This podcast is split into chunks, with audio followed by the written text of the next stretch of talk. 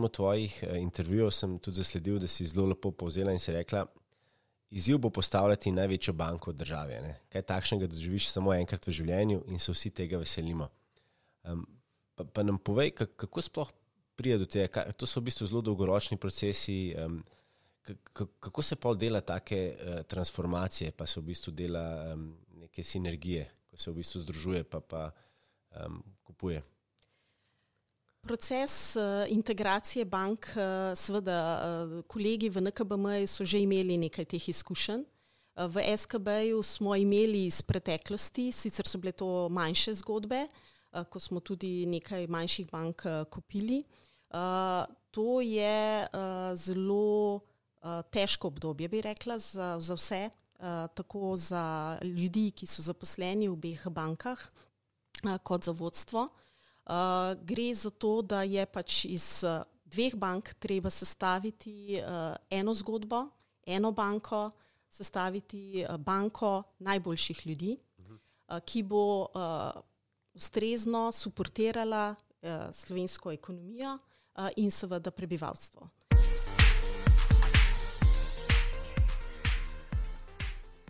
Dobrodošli v podkastu Beyond Leadership, kjer gostimo izjemne posameznike in odkrijemo nove dimenzije vodenja in njihove talente in recepte za uspeh. Danes imam eno posebno, posebno mlado damo, Percept, tako da sem zelo počaščen, da se je odzvala mojemu vabilu. Tako da lepo pozdravljena, Anita. Zdravo, Marko. Mark, pardon. tako da, preden gremo v, v drobovje eh, tvojega izjemnega vodenja, eh, tvoje zelo bogate kariere, bi te jaz našim poslušalcem. Eh, predstavo, da bojo sploh razumeli, eh, v kakšnih dimenzijah jaz govorim. Se pravi, z menoj je danes glavna izvršna direktorica SKB banke, magistrica Anita Stojčovska. Uh, ona je, ima zelo, zelo močno finančno zadje in že kar nekaj časa vodi SKB, ima dolgoletne izkušnje na področju bančništva. SKB banki se je pridružila leta 1995, potem pa je od 13. decembra 2019 um, banko predstavljala kot eh, izvršna direktorica ter članica upravnega odbora. Svojo kariero je začela v banki na več odgovornih položajih, mnogih izmed njih so tesno povezani s komercialno in upravljanjem poslovanja s strankami in podjetji. Potem pa od leta 2011 so ustvarjali strategijo banke kot članica uprave, tako da si, si v bistvu zelo hitro šla po stopničkah na, na vzgor. Si magistrica poslovnih ved, ki je diplomski in magistrski študij opravila na Univerzi v Ljubljani. Um, v SKB banki si pa kariero začela kot skrbnica podjetij. Tega, tega se bo pa tudi tega vsega prehoda dotaknila. Um, ogromno izkušenj si nabrala na komercialnih področjih banke in potem postopoma prevzemala če dalje večje odgovornosti. Um, zdaj, ena, ena zelo zanimiva stvar je, da si tudi v bistvu že zelo, zelo dolgo časa, oziroma je tvoja karijera zelo močna v bančništvu, se pravi, celo kariero res v bančništvu. Tako da dejansko spremljaš vse trende od začetka do, do sedaj, kaj se je dogajalo, vse, um, vse no, novosti, digitalizacijo. Tako da mi bomo danes imeli izjemen pogovor, tako da jaz se že zelo veselim. Um, tako da preden greva, preden greva še, še naprej v, v tvoje izkušnje, um, bi jaz rad uh, začel s takim mal, mal zanimivim vprašanjem in sicer zmeraj vprašam, če bila mi dva v gimnaziji sošolca, si bila že takrat tako um, inovativna, si, si hotela biti v, v takem svetu, si, si že takrat dobro upravljala s financami? ja, ko sem bila v uh, osnovni šoli, srednji šoli in potem tudi na fakulteti, uh, sem bila zelo odgovorna oseba. Uh, drži, da sem sodelovala v številnih projektih, še posebej se mi zdi, da je bilo to v osnovni šoli, ko me cele dneve sploh ni bilo doma. Uh, bila sem dejansko, poleg seveda šole, ne, vključena, mislim, da okrog 14 ali 15 raznih krožkov, aktivnosti. Uh, spomnim se tudi, da sem bila recimo uh, v OZN, a ne članica OZN, že takrat, ne, tako wow. se mi je zdelo. Uh, prav zanimivo, a ne in celo šla sem enkrat potem na neki kongres v Portorož, to je bilo v osnovni šoli, a ne tako. Uh, seveda, finance so meni uh, bile pomembne, a ne že takrat sem uh, se uh, bila tudi nek blagajničar ne, v tistem v, v razredni skupnosti, ne, recimo, če že temu tako rečem. Potem pa, ko je imela mama svoje podjetje, ne, sem pa dejansko še za njo upravljala tudi določene finančne zadeve, ne, ni imela svojega računovodja. Tako da sem se tudi na tem področju potem še kot študenta ne, dejansko učila. Ne. Uh, tako da je bila to neka uh, začrtana pot, ne v smislu, da se bom verjetno v svoji uh, karieri ukvarjala s financami. Čeprav ne, iskreno, hotela sem pa biti uh, tudi doktor, ne, zdravnica. Uh, ampak sem potem enkrat ugotovila, da to pa verjetno ne bo za me, uh, ker sem tudi uh, po naravi uh, dosta čustvena oseba. Tako da uh, me tudi prizadenejo mogoče kakšne zgodbe uh, posameznikov. Uh, tako da v zdravstvu, v medicini je teh zgodb pa veliko. Ne? Tako ja. da sem se takrat rekla, da ni to drži se financ. Zdaj, voditi um, tako močno banko kot je SKB, ki, ki jo vsi že v bistvu poznamo, uh, že zelo dolgo časa, je, je verjeten zelo, zelo super, ampak tudi zelo zahtevno. Um, Da nam malo povej, ali imaš ti kakšno posebno rutino, ali imaš kakšen skriven recept za uspeh, kako začenjaš teden, se ti rada prepraviš v nedeljo. Da nam malo piš, kakšni so tvoji dnevi. Ja. Uh, voditi banko je seveda zelo zahtevno, odgovorno. Uh, jaz seveda uh, dve leti nazaj ali pa leto pa pol si tudi zamišljala nisem, da bom jaz vodila banko. Seveda moja karijera je šla postopoma vsake štiri leta nekako je bila taka perioda, uh, sem zamenjala področje dela v SKB banki. Dejansko sem, tako kot si že rekel, 26 let uh, lojalna tej banki, jaz uh, drugih služb nisem imela. Zanimivo je tudi to, da sem dejansko začela v SKB delati kot študent. In to je bil potem moja stopnica v to banko. Wow, ja, tako je bilo. Uh, tako da, uh, ja, kako se jaz pripravljam uh, glede svojega delovnega dneva ali tedna? Uh, Uh, seveda, uh, začnem seveda zjutraj, ko se zbudim, a ne to prvo, kar naredim, je mečkim potelovadem, ker je naše delo dost uh, sedeče. Sedimo tudi do 12 ur, uh, tako da se že nekoliko pozna, ne, da, da je treba vzdrževati kondicijo. Uh, seveda v službi sem pa že ob sedmih. Oh, zgodna. Jaz sem zelo jutranji tip, začnem že ob sedmih, sem mislim, da je ena od prvih v banki. Uh, Uh, s tem, da s tem, uh, si vzamem te dve uri časa, pred, uh, do devete ure, s tem, da pogledam, pač, kaj se dogaja, dnevno časopisje, tudi kakšno zadevo ponaredim, a ne zaradi tega, da uh, potem se res posvetim uh, ostalim nalogam, ki sledijo ne, tekom super, dneva. Super. Uh, potem, seveda, delo v banki je veliko raznih komitejev, raznih odborov, kjer se pač moramo odločati o določenih stvarih, seveda je treba tudi te stvari pregledati. Uh, v tednu. Si pa vedno poskušam vzeti čas tudi za obisk, seveda, strank, poslovnih partnerjev in uh, poslovne mreže. Veste, SKB banka ima eh, široko mrežo poslovalnic po Sloveniji. Jaz Zelo, sem bila ja. v preteklosti pred, pred prevzemom te vloge vodenja banke. Direktorica divizije za poslovno mrežo in marketing, tako da je pač to nekako moj, kako bi rekla, mi ostalo v srcu. In ta kontakt z mrežo se mi zdi tukaj zelo pomemben, uh, zaradi tega, ker najprej vidimo, kaj se tudi v mreži dogaja ne, z našimi ljudmi, z vidika motivacije, tudi uh, z vidika okolja. Ne, uh, hkrati pa mislim, da to ljudem v mreži zelo veliko pomeni. Uh, vzeti si moram seveda čas uh, tudi za določene stvari, da jih spoznam, uh, da si preberem kakšne novosti. Veliko stvari se dogaja uh, tako v, uh, v regulativi, uh, kot eh, tudi eh, z vidika tehnologij, sprememb. Tako da, smo, da moramo biti stalno tudi v updateni, bi rekla, z vsemi novostmi. Zdaj, ko smo člani tudi nove skupine, ne že leto pa pol skupine OTP, je ključen tukaj tudi pomemben odnos tudi z mojimi sodelavci v skupini tako da tudi z njimi vzdržujem ustrezne kontakte, skupaj tudi delamo na določenih zadevah, tako da so to, rečemo, to je približno, bi rekla, vsak dan skoraj 12 ur.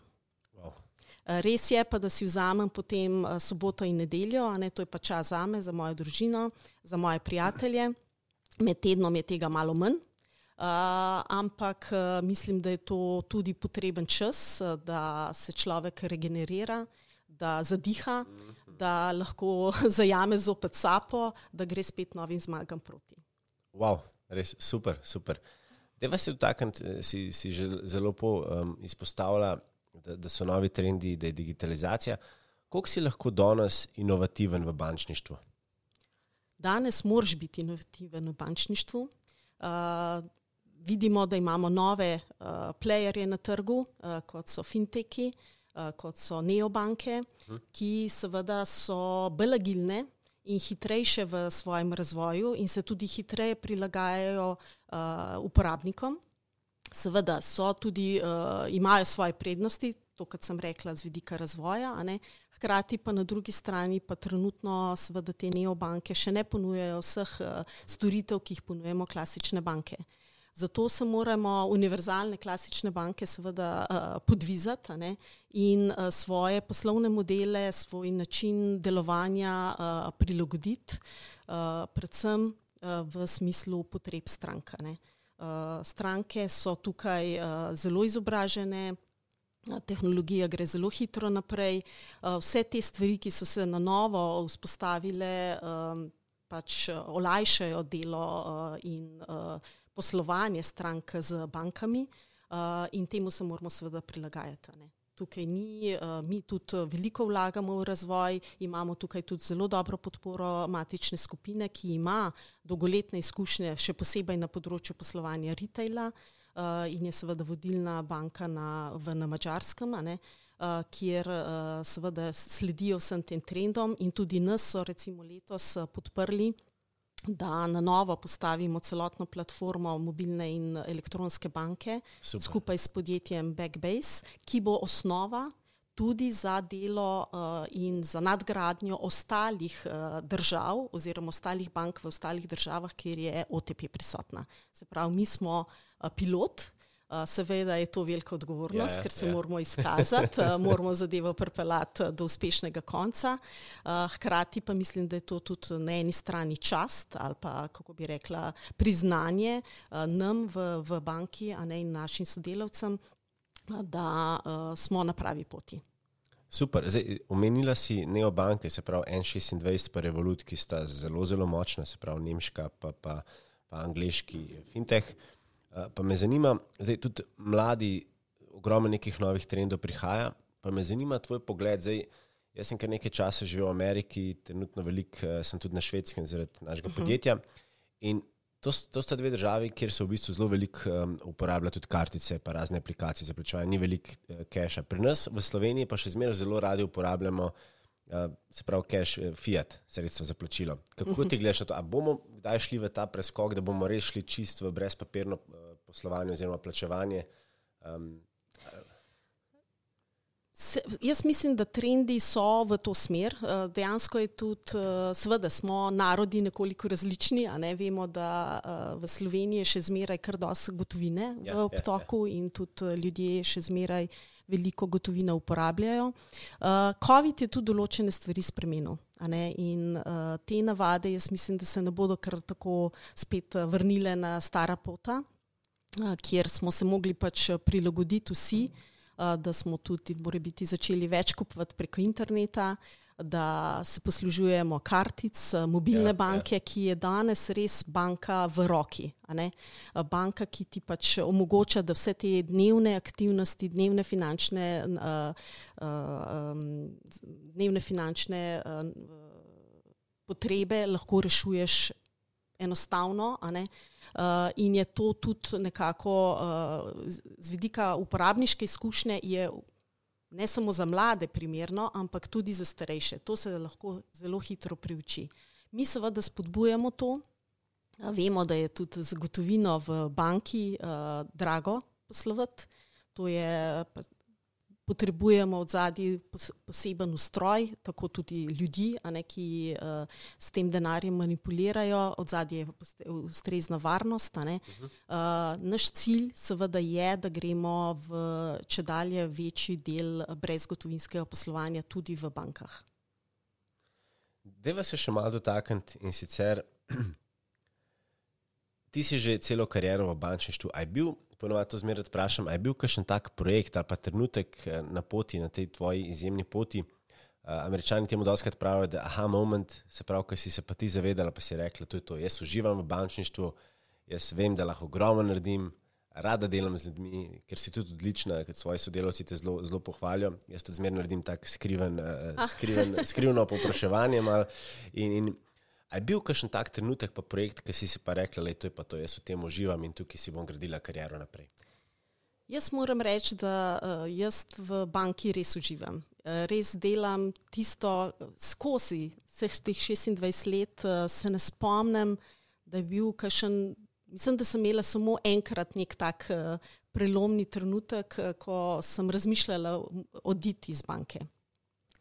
Uh, ampak sem se kljub temu takrat odločila, da ostanem. Najbolj pomembno se mi zdijo ljudje, s katerimi delam. Uh, seveda mi je pomembna tudi vsebina področja, na katerem delam. Delala sem na različnih področjih, uh, tako da mi ni bilo potem neka, da bi bilo potem moje delo postalo rutina. Uh, mislim, da vsakič sem potrebovala neke nove izzive in vsi ti izzivi so nekako v periodi štirih let prišli. Ha, in mislim, da je ta perioda štirih, petih let uh, tudi na svet za ostale kolege, ki more biti stopajo na neke nove uh, karierne poti, da si vzamejo za cilj, da more biti zamenjajo to področje dela uh, v roku recimo štirih, petih let. Seveda, uh, po možnosti v podjetju, v katerem delujejo ali pa seveda izven, če najdejo še boljše izzive. Uh, tako da jaz ne bi rekla, da je bil kakšen konkreten nek moment, Uh, delovala sem uh, v, tudi v Societe General banki, ne se pravi, ko je bil Societe General lastnik. To so bili recimo tudi uh, neki posebni izzivi, ko pride nekdo nov, ko pride iz uh, tujine, ko prenese neka nova znanja in enako je zdaj, ko smo v člani OTP družine. Uh, tako da uh, ne bi rekla, da so bili kakšen poseben trenutek to je nekako življenje ali pa ta življenjska pot ali pa karjerna pot me je nekako propeljala do tega, da sem še vedno tukaj. Super. Pe, peva se vtaknem še en, ene pomembne teme in sicer me zanima, zdaj ljudje tekom karijere tudi zelo osebno in, in poslovno rastemo uh -huh. in doskrat se rad dotaknem tudi stvari, eh, kot je recimo ego oziroma tvoj stil vodenja. Pa me zanima, ponovadi, ker smo mlajši, tudi jaz se spomnim še ne deset let nazaj, ker sem eh, ker sem bil mlajši, pa sem začel prve neke odgovorne položaje, da sem precej drugače razmišljal, kot razmišljam danes. Pa me zanima, kako se je pa tvoj stil vodenja spremenil od tega, da si začela kot študentka, potem si bila skrbnica podjetij, do danes, ko si v bistvu glavna izvršna direktorica in imaš precej večjo odgovornost.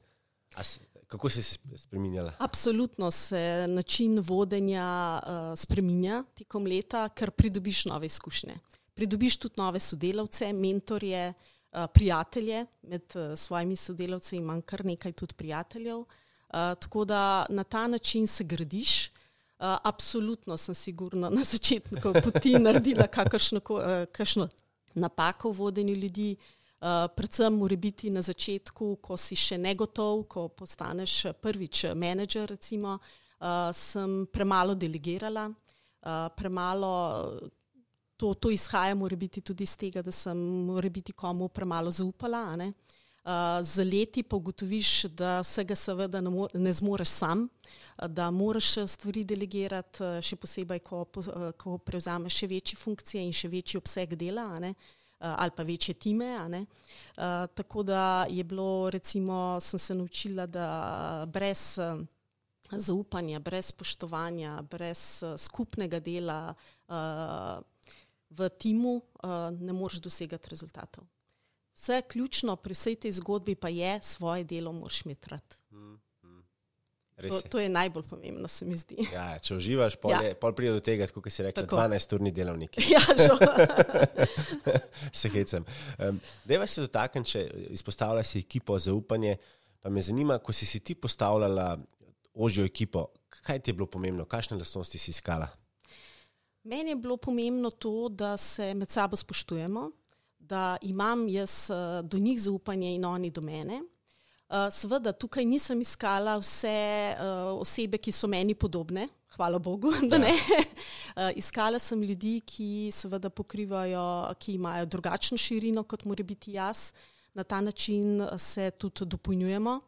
Želela sem, seveda, in tudi še zdaj tako delam, da tisti, ki so v ekipi, ne, del, delujejo tako na tistih področjih, kjer so na, uh, strokovnjaki na svojem področju ali pa menedžeri na svojem področju in ki znajo res prispevati uh, veliko in veliko več, kot mora biti, recimo, bi lahko jaz. Uh, tukaj uh, smo zelo raznovrstni v, v, v recimo ožjem vodstvu banke.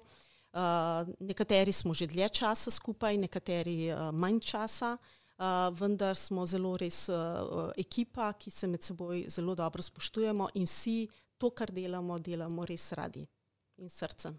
Fuldober, top.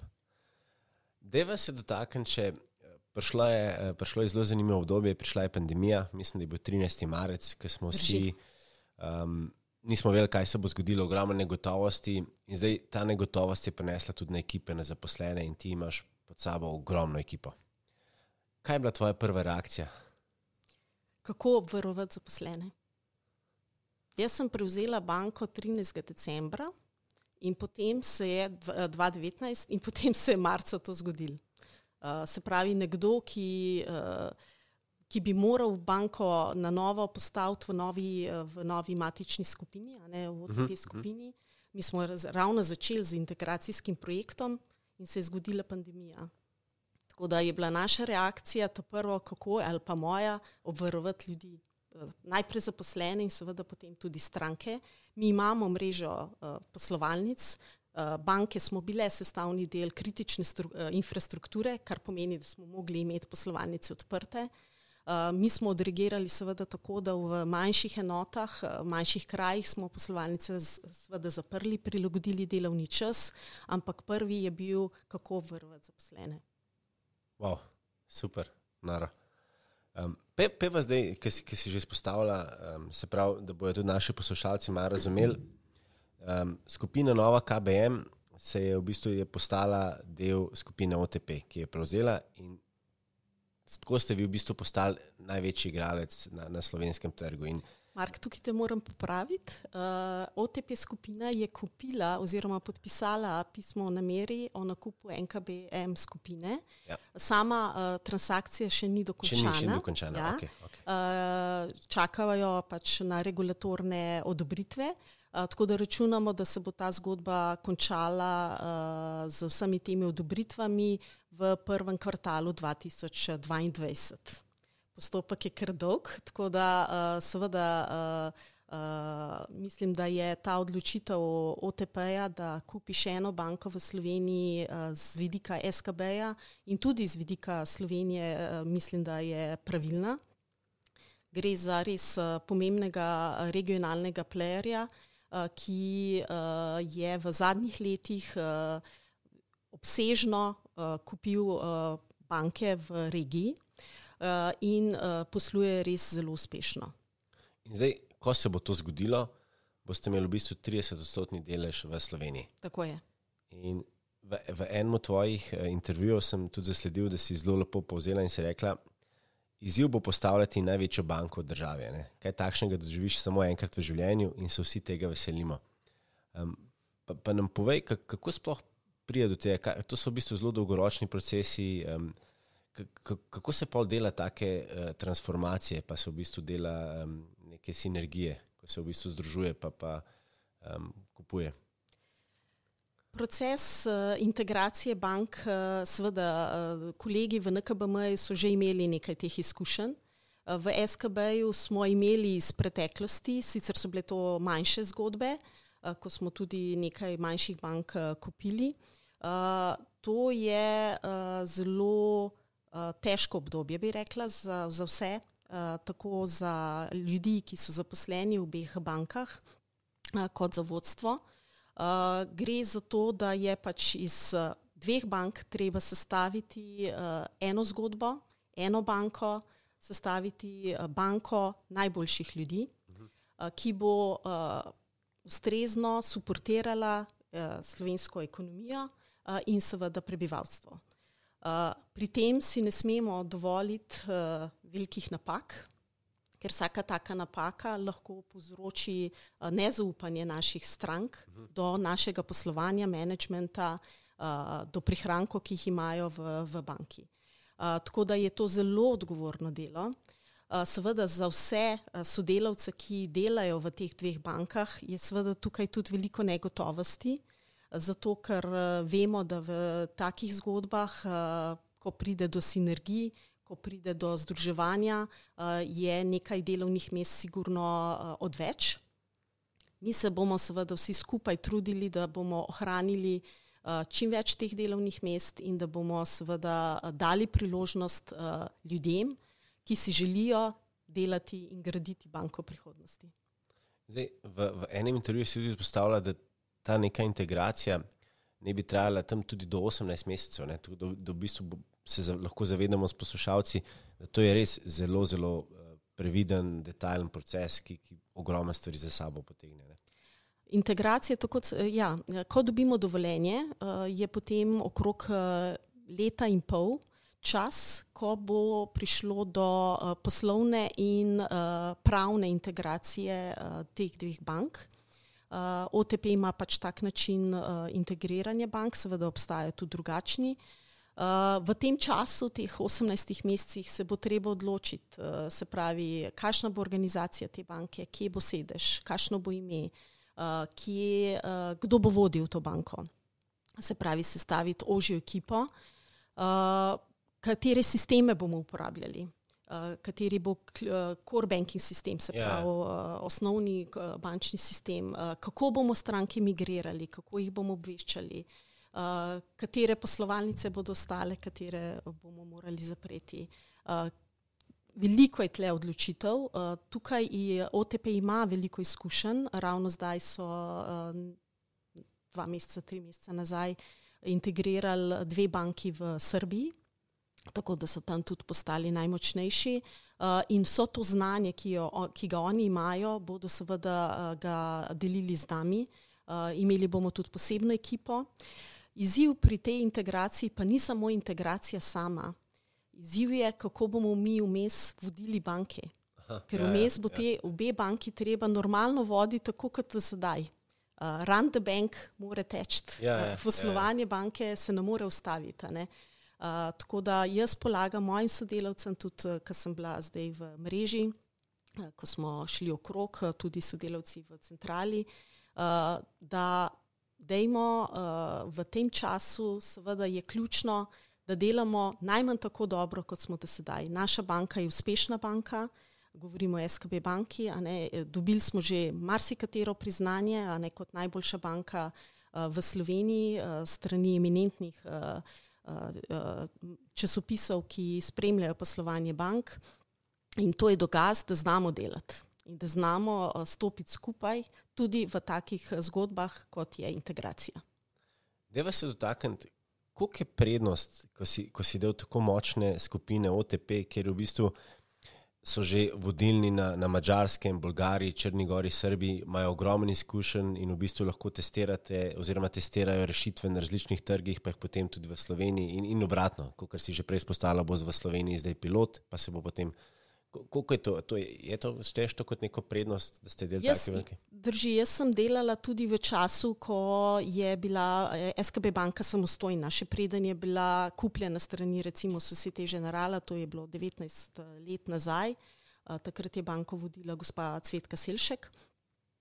In se spomnim, kako je bilo to, ko smo bili mi čisto samostojni in zdaj, je lepa takrat, ko smo bili znotraj Societe Generala, ko si ti sestavni del velike mednarodne skupine. Prednosti je tukaj veliko. Prvič je to, da uh, dobiš lahko kolege, znanje, uh, izkušnje, uh, tudi napake ne, od ostalih. Uh, držav. Seveda, vseh teh držav sistem dela, sistem, oziroma kulture so drugačne, ja, a ne, ja, seveda ja, ja. je treba ustrezno prilagoditi. Tukaj je ustrezen kapital, tako finančni kapital, intelektualni kapital. Uh, um, in to, to so prednosti te skupine. Jaz sem bila v še v času Societe Generala, ne, sem bila tudi ambasador Societe Generala, uh, kar pomeni, da smo določene stvari, ki smo jih pridobili v vodstvu uh, v Parizu, lahko delili z kolegi v Sloveniji. In seveda ideja je, da tudi zdaj, ko smo sestavni del OTP skupine in ki je še celo bliže zdaj nam, uh, ki so uh, geografsko, ne, Uh, lahko naše kolege pošljemo na Mačarsko, da pogledajo, kako so določene stvari tam narejene, da, gre, uh, da grejo recimo tudi v Srbijo, ne, kjer so nam mogoče nekoliko bližji trgi, uh, ali pa na Hrvaško, ne, kjer je tudi OTP pomemben player. Uh, in na ta način gradimo prvič uh, znanje ljudi, pripadnost. Ljudje imajo priložnost, da se Eh, tudi kariero gradijo v teh uh, skupinah oziroma teh bankah, ki so sestavni del skupine in vsi tisti, ki imajo to željo, se jim ta želja lahko uresniči. Samo izkazati jo morajo. Uh, tako da teh je veliko prednosti, seveda slabost uh, velikih skupin je, ne, da so uh, sistemi odločanja potem nekoliko drugačni, ne, uh, vendar tukaj je tudi naša naloga, da si pridobimo to zaupanje strani naših lastnikov in da nam ta, to zaupanje potem uh, nekako izkažejo tudi v poblestilih, ki jih imamo tukaj, da lahko mi samostojno uh, poslujemo in uh, rešujemo pač uh, zahteve naših strank. Super. Um, Pejva se dotaknem, če uh, že prej si zelo lepo izpostavila, um, da si tudi ti imela mentorje na, na, na svoji poti poslovni. Uh, pa me zanima, tudi ti si zdaj že v vlogi mentorja. Kako gledaš na to, kako je bilo to pomembno za te, da si imela takrat podpornike, da si imela mentore, ki so ti pomagali, te, te usmerjali? To se mi zdi zelo pomembno, zaradi tega, ker uh, oni so bolj izkušeni ljudje, se pravi, so šli že čez neko uh, izkušnjo, poslovno izkušnjo in ti lahko z svojimi uh, dobrimi praksami, pa tudi slabimi, uh, Eh, pomagajo, da, se, da postaneš bolj uspešen. Jaz lahko rečem, da sem imela res veliko srečo v SKB, eh, da sem imela veliko dobrih uh, menedžerjev, veliko dobrih šefov, uh, ki so prepoznali tudi uh, očitno v meni nek potencial. Tako da jaz mislim, da tudi to, da sem dosegla uh, to pozicijo, ki jo imam trenutno, ni samo izključno moja, moja zasluga, ampak tudi zasluga vseh teh mojih šefov. Ne, ne bi mogla izpostaviti samo enega, uh, ker jih je bilo res veliko, ne, in šefov in šefic. Uh, ampak uh, moram reči, da z, z vsemi še vedno slišim. Zdaj tudi moram reči, to sem tudi mečkaj razmišljala, ker sem se pripravljala na današnji tvoj pogovor, da uh, marsikdaj, eh, zdaj, ko sem v tej poziciji, eh, glavne izvršne direktorice, da razumem, uh, kakšne odločitve, ki so jih moji šefi sprejeli v preteklosti, Super, pa se ja, mora ja. biti z njimi nisem strinjala. Ali pa sem celo glasno komentirala, kritizirala. Zdaj se pa včasih v svoji sobi, uh, ki je zelo velika, ne, včasih, uh, ko si na vrhu, si veliko krat sam, usedem in si rečem, aha, takole je takrat takole ta pa ta odreagiral, uh, zdaj razumem zakaj. Ne, ker je recimo podobna situacija yeah. Ja, ja. in potem, ko moraš ti tudi nekako odreagirati ali pa se odločiti, ne, uh, se odločiš podobno ne, in rečeš, zdaj pa vem zakaj. Ne. Uh, ampak takrat mi ni bilo to jasno. Se pravi, izku, izkušnje, kilometrina. Tako, tako je. A, um, jaz zmeraj tudi rad vprašam, če bi šla nazaj uh, v preteklost.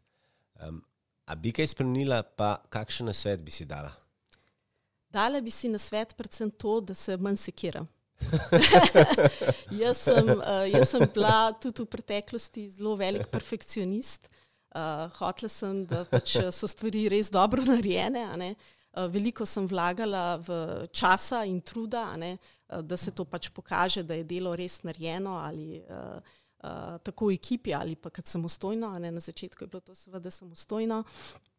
Kar je povzročilo tudi to, da je bilo kakšna noč tudi ne prespana, ne samo ena, ampak več.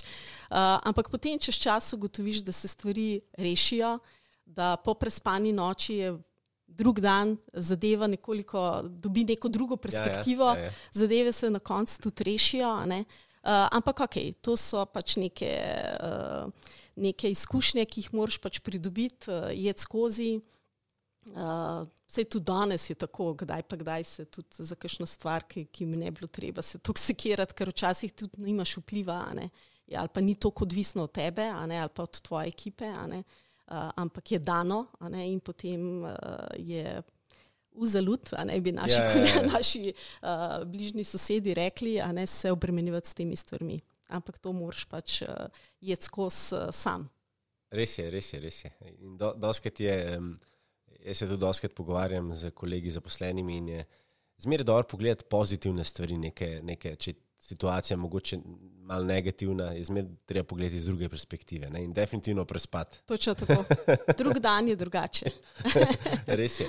Um, Deva se še tako, prej si zelo lepo izpostavila um, lastnosti, ki so ti pomembne, ko se stavljaš v že ekipo.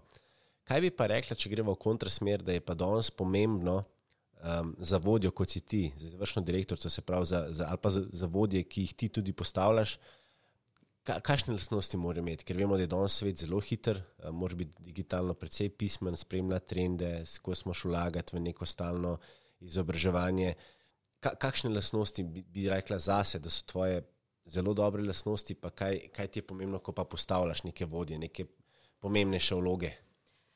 Ja, z mojega vidika jaz zase lahko rečem, da sem res neka zelo odgovorna oseba, da, da rada pomagam drugim, da želim seveda, da delamo kot tim. Verjamem v to, da je res timsko delo tisto, ki nosi zmage. Pri tem pa seveda vloge v timu morajo biti ustrezno porazdeljene, ne moramo vsi pokrivati ista področja, uh, ker nas je potem preveč in potem smo vsi preveč pametni. Uh, seveda moramo pa tudi te razlike v timu spoštovati. Ne, ker uh, vemo, da vsak uh, seveda ne bo, uh, ima možnost, da izpostavi svojo idejo, da izpostavi svojo uh, svoje mnenje ne, in ta mnenja, različnost mnenj, mislim, da je tisto, kar je uh, zelo pomembno, da slišimo, ne da smo izrazimo, ampak da tudi slišimo in iz tega potem uh, najdemo tisto, kar je najboljše za vse nas. Tle je seveda ego, te jaz ne maram, tudi sama nisem ego, nisem tak tip. Tako da je to nekaj tistega, kar bi seveda želela, da tudi v svojem timu sodelavcev in da tudi oni to, to vrstne stvari tudi spoštujejo. Seveda želimo imeti v timu ljudi, ki so kreativni, inovativni, uh, ki vidijo in ki so željni uspehov. To se mi zdi, da je zelo pomembno, ne, ker to, ta zmagovalna miselnost ali pa neka želja po uspehu je tisto, kar lahko potem privede vse skupaj ne, do uh, uspešnega cilja ne, uh, in do rezultatov. Super. Deva se vtakniti še dveh zelo, zelo pomembnih stvareh. In eno je, um, vi tudi veliko vlagate v talente, v razvoj svojih uh, zaposlenih, imate tudi zelo močno skupino. Da nam malo predstav, ker res, ker sem šel gledati, sem bil, sem bil navdušen. No, res se vidi, da veliko eh, vlagate v zaposlene. Potem drugo vprašanje se bo pa še malo dotaknilo športa, ker ste tudi velik uh mhm. -huh. podpornik, sponzor uh, raznih športov in pa tudi slovenske olimpijske reprezentance. Tako da peva prvo na talente. Talenti v SKB banki imamo, uh, prepoznavamo talente. Uh, se pravi, imamo uh, prav poseben proces, kjer uh, identificiramo, kdo so tisti talenti na različnih področjih banke. Z njimi seveda želimo delati v smislu, da jih dodatno izobražujemo, da tudi sami izpostavijo določene želje, ambicije, na katerih stvarih želijo delati. Vključujemo jih v številne projekte, ravno zaradi tega, ker v projektih uh, se lahko uh, marsikateri talent uh, izkaže tudi kot nekdo, ki je ali vodja, ki lahko postane potencijalni vodja, ali pa ga prepoznamo kot nekoga, ki je specialist na svojem področju. Se pravi, pri talentih ne iščemo vedno samo menedžerje, ampak seveda tudi strokovnjake na posameznem področju. Uh, tukaj uh, seveda je to dolgotrajen proces. To ni nekaj, kar narediš danes, aha, zdaj sem ga pa prepoznal, eh, nekaj dam izobraževanj in je to konec. Eh, absolutno ne. Tle je treba graditi, tle je treba vlagati v te ljudi, eh, jih slišati, jim omogočiti, da se dodatno usposabljajo, grejo tudi na more biti na v, v skupino ali v druge države, da, da, da tudi sodeluje na določenih projektih. Kar nekaj nas je v banki, ki smo že dolgo let v banki in smo bili verjetno tudi mi prepoznani kot talenti. Uh, in uh, to so neke zgodbe, ki jih želimo uh, graditi naprej. Uh, v banki smo vzpostavili tudi ekipo ambasadorjev, to so iz različnih področji dela, uh, ki so talenti ali pa ne, ni, ni, ni, uh, ni nujno, da je to talent, ampak želimo, da so to oni tudi tisti, ki kreirajo zgodbo uspešnosti banke in tudi komunicirajo nas dol wow, uh, o vseh teh stvarih, ki jih v banki delamo. Uh, ker vemo, da komunikacija je ključna, uh, ključna do, do, da včasih je, predvsem v bankah, ki smo zelo hierarhične in nekako. Um, togo organizirane, vse informacije ne pridejo do, do, do zadnjega zaposlenega, zato uh, želimo, ne, da so tudi ti naši ambasadori, ki smo jih uh, imenovali, uh, ključni pri naši delitvi naše zgodbe, uh, strategije, vizije. Uh, ne samo, da je to vodstvo, uh, ampak da imamo tudi uh, ostale kolege in da tudi te, uh, ko kreirajo uh, našo zgodbo. Super, noro. Pejva se še dotakniti še, še, še ene zelo, zelo pomembne teme, ki smo že prej načeli in sicer vi tudi zelo veliko vračate nazaj v kulturo, v šport in ste tudi zaslužni, da je slovenska bakla še nekaj časa nazaj potvala uh, po Sloveniji. Drži. Tako da, da nam malo povej, ker, ker res veliko vračate, veliko vlagate v šport, ste tudi ponosni sponzor uh, olimpijske reprezentance in, in ogromnim športnikom. Naloga banke je, jaz mislim, da ki deluje v Sloveniji, ne, da vrača tudi svojemu okolju. Uh, mi imamo svoje stranke, imamo partnerje in mislim, da je tudi kot uspešna banka, mi moramo uh, tudi uh, nekaj prispevati v razvoju, športnem, kulturnem, uh, ekološkem, konc koncu uh, in uh, to tudi uh, vračati.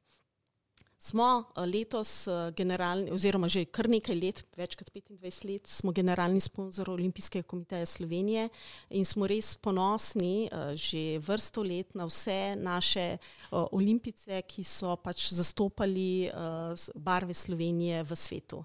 Vidimo tudi letos, kako zadeve potekajo, imamo že štiri medalje. Ja, tako da jaz zelo spremljam te stvari kot uh, mlada športnica.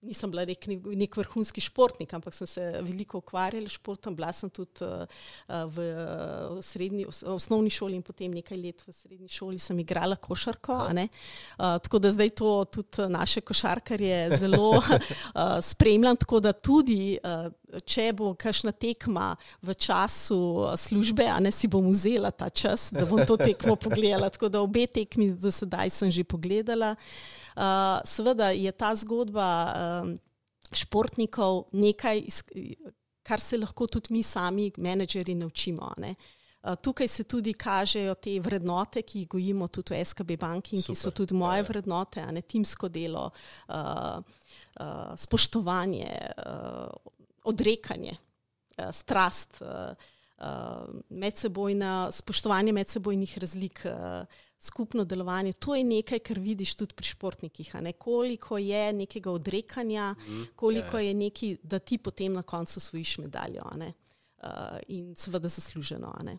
tako da Slovenska bakla je tudi nek uh, projekt, ki smo ga skupaj seveda, z Olimpijskim komitejem in ostalimi podporniki, to moram tudi povdariti, organizirali. Uh, tekla je po vseh občinah v mhm, Sloveniji, 211, mhm. če se, če se ja, ja. dobro spomnim. Ja. Seveda, mi smo to zgodbo vključili tudi naše zaposlene iz poslovne mreže, tako da so bili tudi oni vključeni.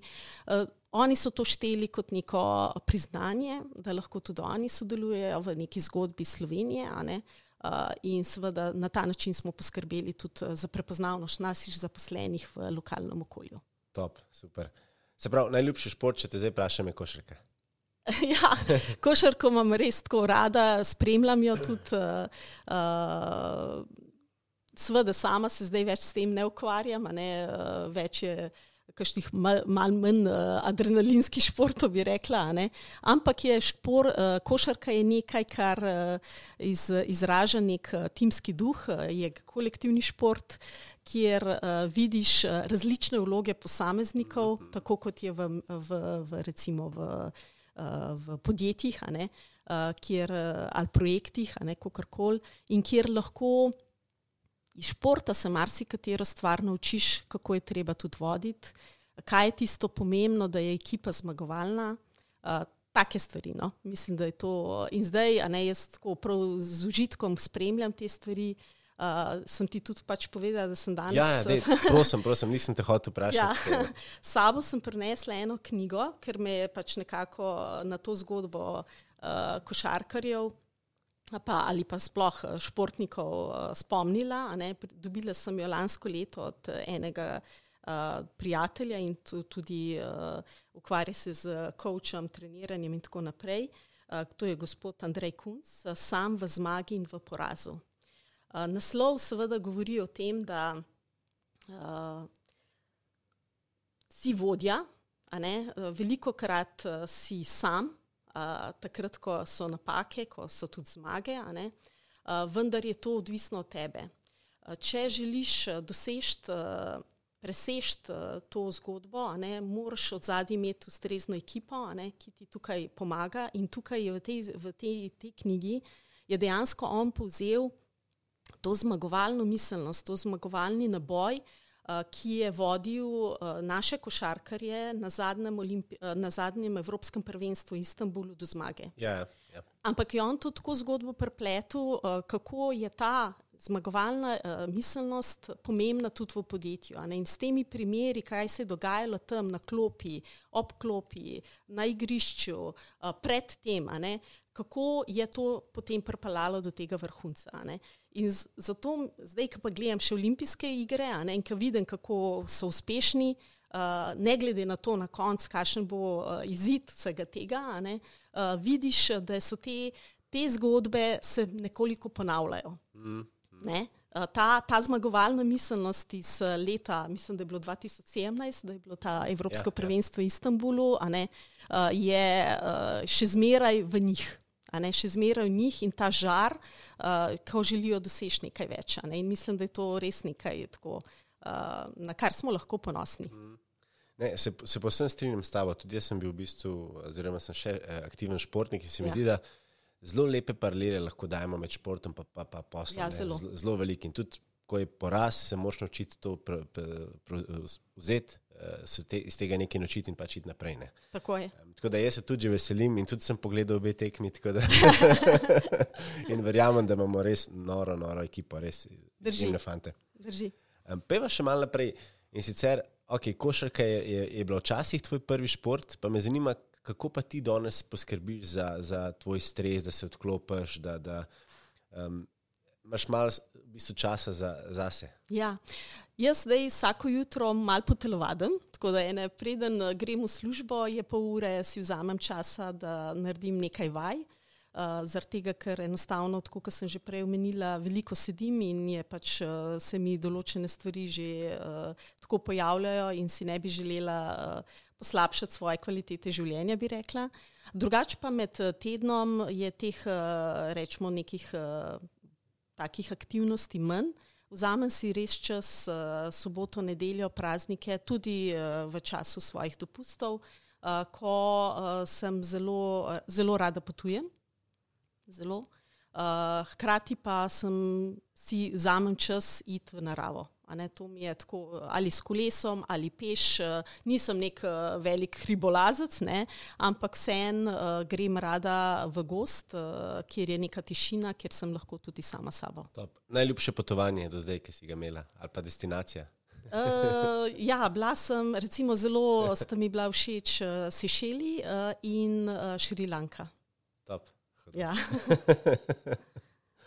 um, pe, peva se še malo dotakniti. Um, tebe osebno, se pravi, Anite. Da nam malo povej, uh, kaj rada bereš, aj kakšna serija, ki jo rada gledaš. Zdaj, za, za najljubšo knjigo si izpostavljam Mladega princa. In, mali princ, ja. uh, mali princ, ne ja. mladi, pardon. Uh, in je res zelo, zelo dobra knjiga. Um, a imaš tam, Imaš na zgodbo ali kako te je? Ali... Mislim, mali princ sem izpostavila, seveda sem prebrala veliko več knjig, ne se jih knjig. Uh, izpostavila sem zato, ker je ta, zgod, uh, ta, ta knjiga, vsakič, ko jo prebereš, jo gledaš nekako drugače. Ja, ne? uh, ko smo jo brali v osnovni ali srednji šoli, ne, smo to, to vzeli tako, ne? pač moram nekaj prebrati. Ne? Uh, ko jo prebereš uh, tekom nekih življenjskih prelomnic ali pa dogodkov, ne, jo pa se opet vidiš drugače. Tako da mi je ta zgodba bila tako, nekako pri srcu, ni neka uh, dolge zgodbice ali karkoli, ampak je tako simpel, enostavno in ti da nekaj življenjskih naukov. Ne. Uh, televizije ne gledam dosti. Uh, moram reči, da ko prijem domov, se poskušam uh, ustaviti. Uh, uh, delati neke normalne stvari, ki jih pač mora človek doma tudi uh, podelati. Uh, tako da si ne, ne, ne, ne vzamem časa za televizijo in, tu, in tudi temu ne, in ne pogrešam teh stvari. Uh, seveda, ko v mladosti sem, mi je bilo recimo taka serija zelo lušna prijatelja, uh mhm, -huh. Mhm. iz vseh teh zgodb, iz vseh teh dogodivščin. Uh, uh, rada sem v družbi mojih uh, prijateljev, uh, zelo rada uh, se zabavam.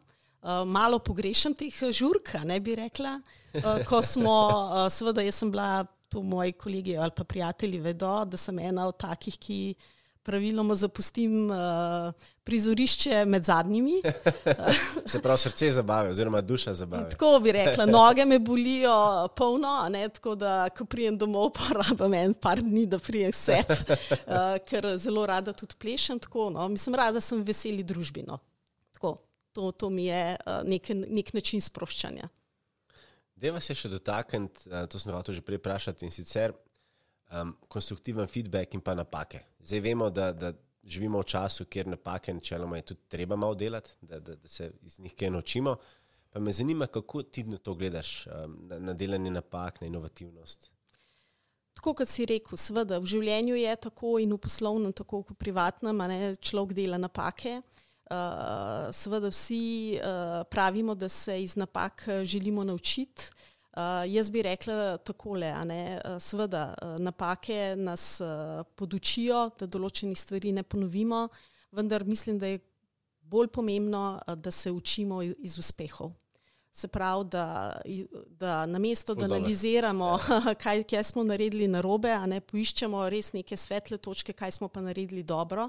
Tudi jaz s mojim kolegom, ko, um, ko jih spremljamo, recimo z vidika prodajnih rezultatov ali karkoli, ali pa Uh, pa vidimo, da je recimo eden ful uspešen, medtem ko ostali pa ne gre, pa ne gre prodaja, ne, pa rečemo, pa da je pokliči, ne, pa vpraši tega kolega, kaj je naredil on, kakšen ima on pristop, ne, uh -huh. uh, ne namesto da jih kritiziramo, ne, zakaj ne, tega ne uspejo. Ne. Uh, tako da izpodbujamo te stvari, da, da se učimo iz uh, uspehov in iz dobrih praks. Top. To, to mi je ful všeč, kaj si zdaj rekla, da v bistvu iščete pozitivne stvari. Top, noro. noro. Um, kakšen je pa tvoj pogled na ta konstruktiven feedback, ker doskrat uh, uh, se hecamo, pa pravimo, da je ta metoda sandwich zelo popularna, se pravi, da pohvališ, potem rečeš nekaj slabega, to pa ni ok, pa pa spet rečeš, ampak si pa zelo super. Pa. Ja, uh, konstruktiven feedback seveda more biti in ga seveda je treba koristiti. Uh, uh, dejstvo je, da verjetno smo v naši naravi, je, da nam je lažje kritizirati, kot nekoga pohvaliti. Uh, to sem se tudi jaz veliko krat zalotila, ne? tako da te stvari pač uh, poskušam tudi uh, seveda popraviti, ne? da za določene uspehe, tudi če so majhni, je treba ljudi pohvaliti. In to je tisto, kar gradi potem uh, ekipo, da tudi če uh, se kdaj zgodi kakšna napaka, seveda ne, da je to namerna in da ni uh, uh, ponavljajoča, da imajo neko psihološko varnost, ne? da Eh, na napakah se seveda lahko učimo, ampak mislim, da se največ naučimo lahko od uspehov. Kaj bi pa rekla, da je pa tvoj največji uspeh? A je kakšen tak uh, projekt ali pa kakšen trenutek? Da bi rekla, mislim, projektov eh, smo imeli in sem, v katerih sem bila jaz sama udeležena, je bilo ogromno. Zdaj, da je to bil izključno samo moj projekt, ni bil. Vedno je bilo tako, da smo bili ekipa ljudi, ekipa. ki je pri ja. tem uh, sodelovala. Uh, tako da vsi te, vsi te dosežki, uh, tako kot sem že tudi to rekla, ne, da, da sem zdaj, kjer sem. Ne, Eh, niso bili vedno in izključno samo moja zasluga, a ne seveda je tudi uh, moj doprinos bil pomemben, ampak so to kariero mojo gradili tako mentori, uh, moji bivši šefi, prijatelji in seveda konc koncev tudi družina. Peva še malo, že prej sem te poti pomalo v tvojem osebnem življenju, kaj pa hobi, kaj, kaj rada počneš? Uh, tako kot sem rekla, rekla, sem že omenila, ja, rada potujem, uh, rada sem v družbi prijateljev, rada plešem, uh, rada uh, uh, tudi kolesarim, seveda spet ne tako kot roglič, uh, a ne pa pogačar. To je, to, to je fenomenalno in to so iz nekega drugega planeta toliko, kot sama mislim, da zmorem. No. Uh, včasih se seveda malo bolj pritisnem, ne seveda, ker včasih je treba tudi kaj več narediti, ampak uh, se ne forsiram v smislu, da zdaj pa za vsako ceno nekaj je treba. Ne. Uh, tako da to rada sem v družbi mojih uh, dveh uh, nečakov in ene nečakinje. Ne? To smo tako zelo, zelo povezani, tudi skupaj veliko potujemo. Uh, svojih otrok nimam, uh, ampak ti trije so moji otroci.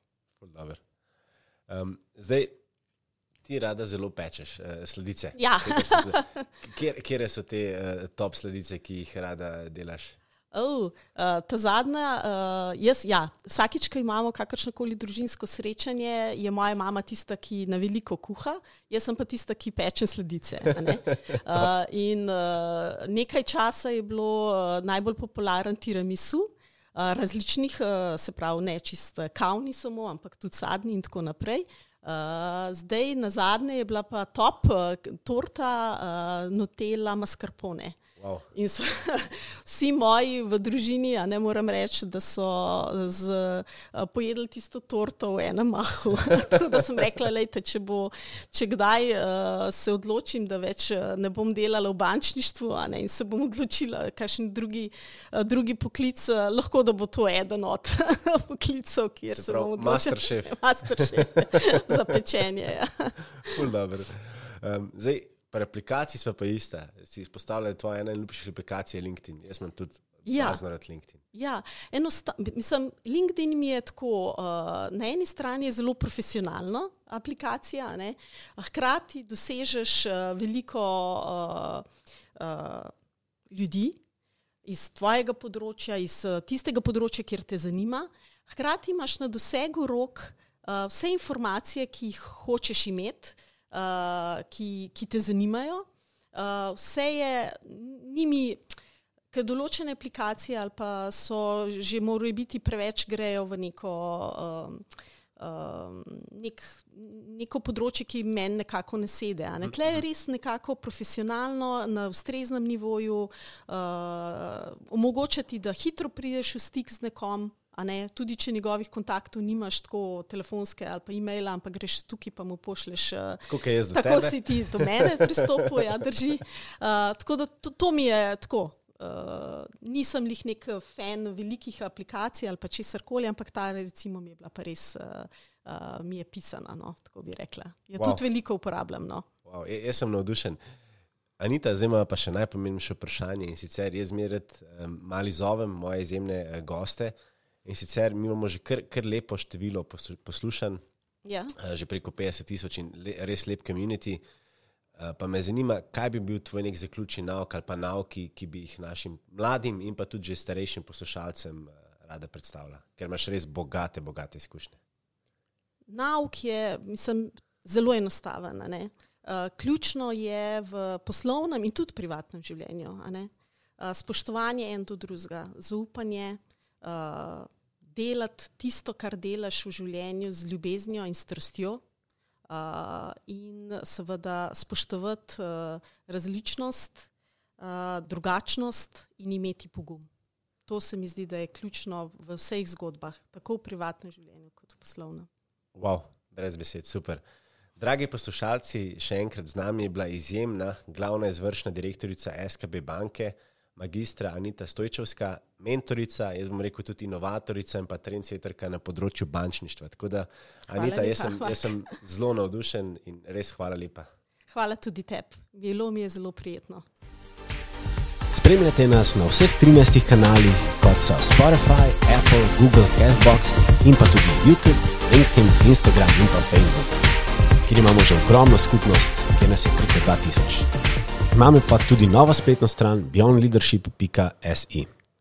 Se že veselimo vaših novih poslušanj in pa dogodivščin.